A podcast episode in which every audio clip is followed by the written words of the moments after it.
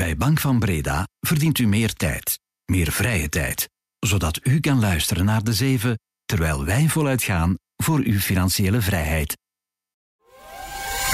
Welkom bij de zeven van de tijd. Elke dag om 7 uur. Onze blik op de zaken in 7 punten. Dit is Bert Rijmen. Goedemorgen. Vorig jaar zijn veel minder Vlamingen veranderd van energieleverancier. Het aantal contractwissels zat op het laagste pijl in vijf jaar, terwijl gezinnen soms wel honderden euro's zouden kunnen besparen. We blikken eens vooruit naar de jaarrapporten van de zeven grote beurslievelingen van heel wat beleggers, de Magnificent Seven. Daarvan is Tesla vanavond de eerste die cijfers publiceert. En België heeft gisteren de Artemis-akkoorden van de VS en de NASA ondertekend. Zo wil ons land de boot, of liever de raket, naar de maan niet missen. Het is woensdag 24 januari. Welkom. De zeven van de tijd. 1. Maar eerst nieuws van vannacht. This race is far from over. There are dozens of states left to go. And the next one is my sweet state of South Carolina. Nikki Haley is dit die haar achterban toespreekt nadat duidelijk werd dat ze de Republikeinse voorverkiezingen in New Hampshire heeft verloren. Overwinning was voor voormalig president Donald Trump. Die behaalde met nog niet alle stemmen geteld een uitslag van bijna 55 procent. Nikki Haley zit rond de 44 procent. Verschil is dus groot in New Hampshire. Dat is daarmee na Iowa de tweede staat die Trump binnenhaalt. En hij zit daarmee in een zetel om de Republikeinse kandidaat te worden en het op te nemen tegen de zittende president Joe Biden in de verkiezingen later dit jaar. Maar Haley geeft zich dus nog niet gewonnen, maakt zich op voor de volgende primary in haar thuisstaat South Carolina. Dat is over een maand. 2. Overstappen naar een goedkoper energiecontract kan je soms honderden euro's besparen. Toch hebben een pak minder Vlamingen dat vorig jaar gedaan. Voor elektriciteit zijn ruim 500.000 gezinnen veranderd van leverancier. Dat is 14% minder dan het jaar voordien. Voor aardgas is de daling nog groter, 400.000 wissels. Dat komt neer op bijna 20% minder dan in 2022. Het aantal gezinnen dat vorig jaar is overgestapt daalt zo naar het laagste niveau in vijf jaar. Hoe komt dat? En is het dan niet meer de moeite om prijzen te vergelijken?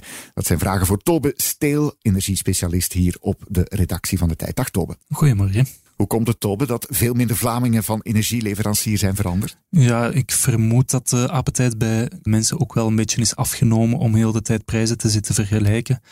Uh, zeker in 2021 en vooral 2022 zag je dat met de torenhoge energieprijzen heel veel mensen van leverancier gingen veranderen, gingen kijken van zit ik nog goed. Um, sommigen moesten ook noodgedwongen veranderen, omdat uh, ja, Vlaamse energieleverancier failliet is gegaan. Uh, en wat. Mm -hmm. En dat betekende dat ja, 100.000 klanten plots een andere leverancier moesten gaan zoeken. Dus je zag tijdens die energiecrisis ja, dat er heel veel media-aandacht was. Vorig jaar zijn dan de prijzen stevig gedaald, waarmee dat ook de druk een beetje is afgenomen. Mm, loont het dan niet meer, uh, om prijzen te vergelijken? Jawel, zoals altijd zitten er best grote verschillen op uh, de duurste en de goedkoopste contracten. Mm -hmm. De federale energieregulator, de KREG, die maakt ook iedere maand daar een overzicht van. En die berekende dat als je nu in de ongelukkige situatie zit dat je nog met het allerduurste contract uh, zit, mm -hmm. dat je dan op jaarbasis 2500 euro kan verdienen als je nu in januari voor zowel elektriciteit als gas overstapt naar het allergoedkoopste contract. Dat is natuurlijk een vrij extreme situatie. Voor de meesten is het uh, besparingspotentieel niet zo groot. Maar uh, afhankelijk van het contract dat je nog hebt, uh, kom je toch al snel aan een paar honderd euro per jaar die je kan besparen.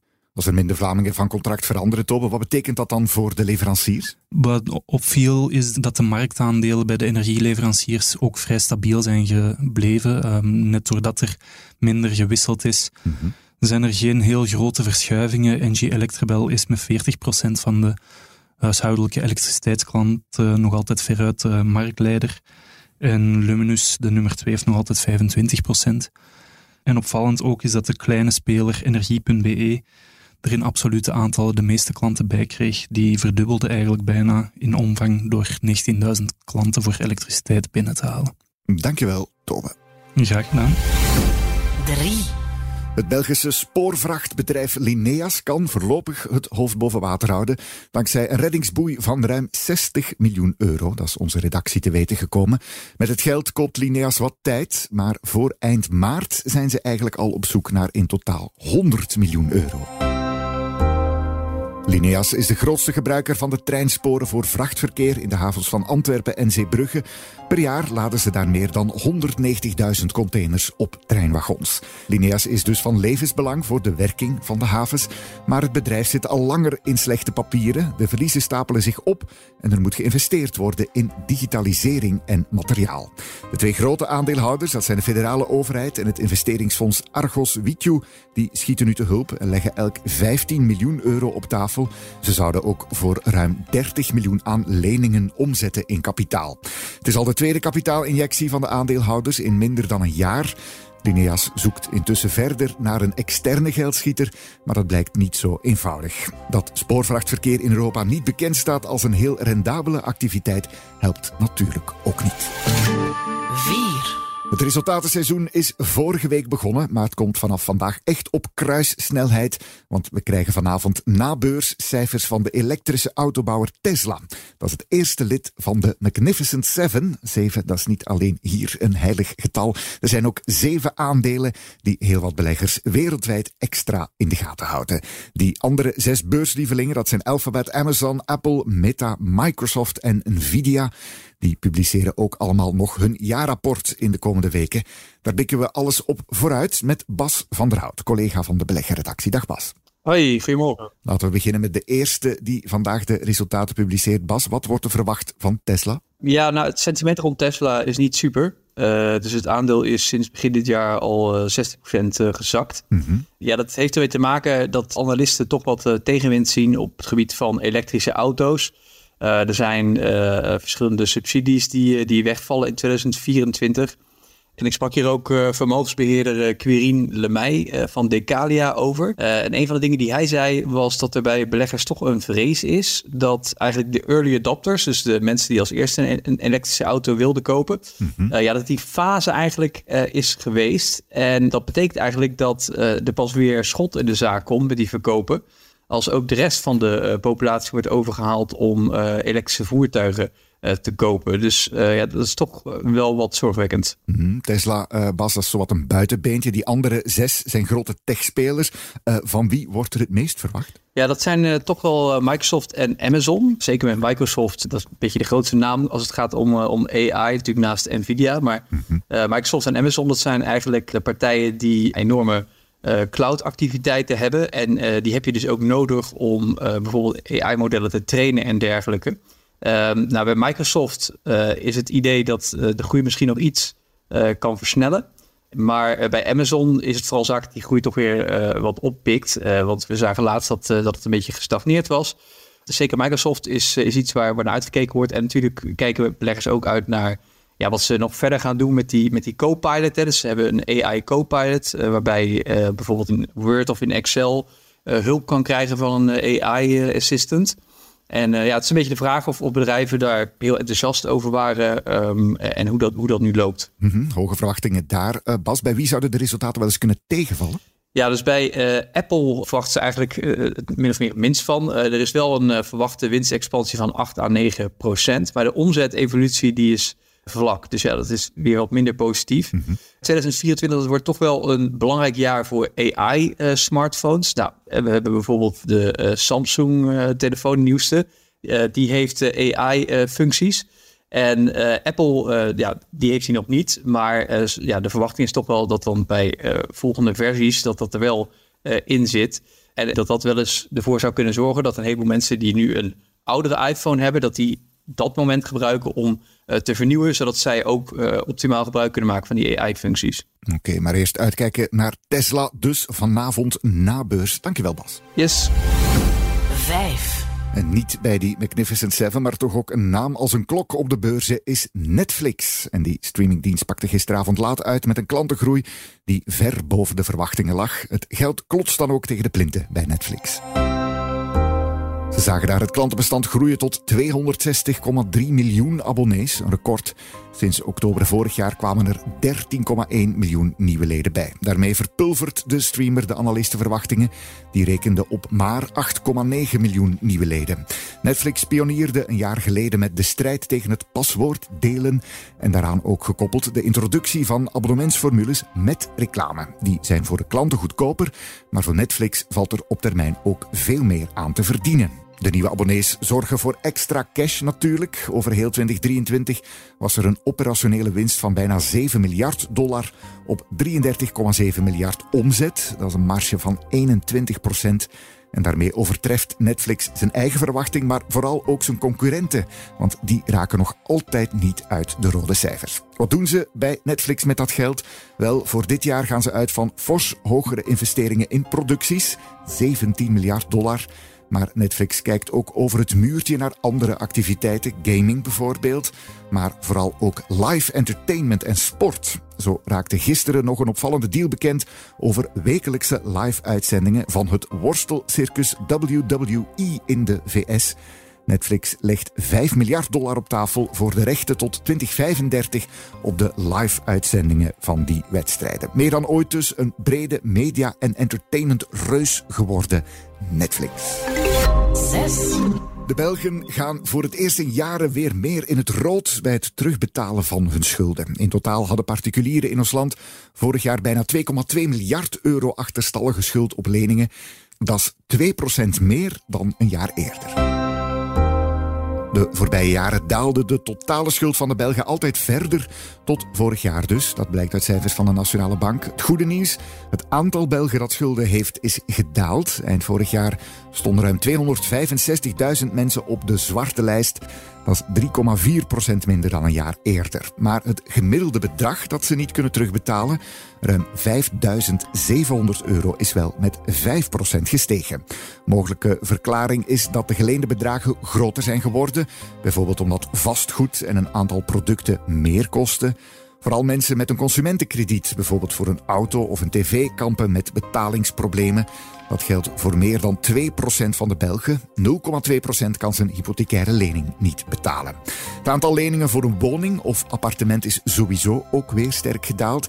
In vijf jaar tijd is het aantal woonkredieten zelfs gehalveerd. 7. Gisteravond heeft België dan toch zijn handtekening gezet onder de Artemis-akkoorden. Daarin staan een aantal afspraken om de ruimtevaart in goede banen te leiden. Bijvoorbeeld als er missies gaan naar de maan of de andere hemellichamen. Daar bestaan al regels over natuurlijk. Maar het ruimterecht dateert intussen al van in de Koude Oorlog. En sindsdien is er veel veranderd. Daarom hebben ruimtevaartorganisatie NASA en de VS vier jaar geleden de Artemis-akkoorden opgesteld. De principes daarin zijn niet bindend, maar ze zijn wel al door 33 landen ondertekend, waaronder nu dus ook door ons land. Hoe belangrijk zijn die Artemis-akkoorden en waarom heeft België, na wat getreuzel, ze toch ondertekend? Tijd collega Floor Eelbode. Goedemorgen. Goedemorgen Bert. Wat staat er precies in die Artemis-akkoorden, Floor? Ja, dat zijn een reeks afspraken. Uh, belangrijk is dat die niet bindend zijn en die zijn ook redelijk vaag. Het is eigenlijk meer een soort raamwerk waarop dat dan uh, later verder gewerkt gaan worden. En dat gaat over zaken als het ruimen van puin uit de ruimte uh, tot wetenschappelijke samenwerkingen. Uh, wat een land moet doen als een ander land in nood is. Maar er wordt ook gesproken over bijvoorbeeld de exploitatie van de ruimterijkdommen. Nu, je zei het al, Floor, die afspraken zijn niet bindend. Waarom zijn ze dan wel belangrijk? Welke impact kunnen ze hebben? Uh, voor de Verenigde Staten is dat nu een manier om een beetje de vlucht vooruit te nemen. De oude ruimteverdragen dateren al van de jaren 60 en 70, maar het blijkt heel moeilijk om die in deze huidige geopolitieke context aan te passen. En Amerika heeft natuurlijk een pioniersrol momenteel op vlak van ruimtevaart met een aantal commerciële bedrijven die het heel goed doen. En zij willen daar eigenlijk de vruchten van plukken en, en vinden dat er uh, in tegenstelling tot in die oude verdragen, nu ook afspraken moeten gemaakt kunnen worden over de exploitatie van de ruimte. Mm landen als Rusland en China zijn daartegen. Uh, zij hebben minder middelen, ze staan technologisch nog minder ver. En ze vrezen zo eigenlijk te laten komen en ja, geconfronteerd worden met de situatie dat er al overal claims op zijn uh, en dat zij er geen hebben. Er zijn dus tegenstanders, maar 33 landen toch die die akkoorden al hebben ondertekend. Waarom heeft België getreuzeld, Floor? Ja, ons land is traditioneel een grote voorstander van multilaterale samenwerking. Mm -hmm. uh, ook een grote voorvechter van de oude ruimteverdragen. Dus we willen eigenlijk het liefst iedereen aan boord hebben en niet met een selectie van landen uh, de vlucht vooruit nemen. Maar uh, ons land is natuurlijk ook bang om de boot te missen en het initiatief wint aan momentum. En het vreest belangrijke contracten mis te lopen voor Belgische bedrijven of belangrijke projecten. En bovendien hebben we met Raphaël Liégeois een astronaut in opleiding. En door ons aan te sluiten bij die akkoorden geven we hem ook de kans om in de toekomst misschien mee te gaan met de Artemis-missies naar de maan. De eerste Belg ooit op de maan, of zelfs de eerste Europeaan. Zou mooi zijn, natuurlijk. Dankjewel, Floor. Daarmee zit deze de zeven er weer op. We blijven nog even met de voeten op aarde. Alvast fijne dag en tot morgen. Dit was de zeven met Bert Rijmen. Productie door Lara Droesaert van op de redactie van De Tijd. Een recensie in je favoriete podcast-app doet ons veel plezier. Heb je feedback? Stuur het gerust naar podcast.tijd.be. Morgen zijn we er weer. Tot dan!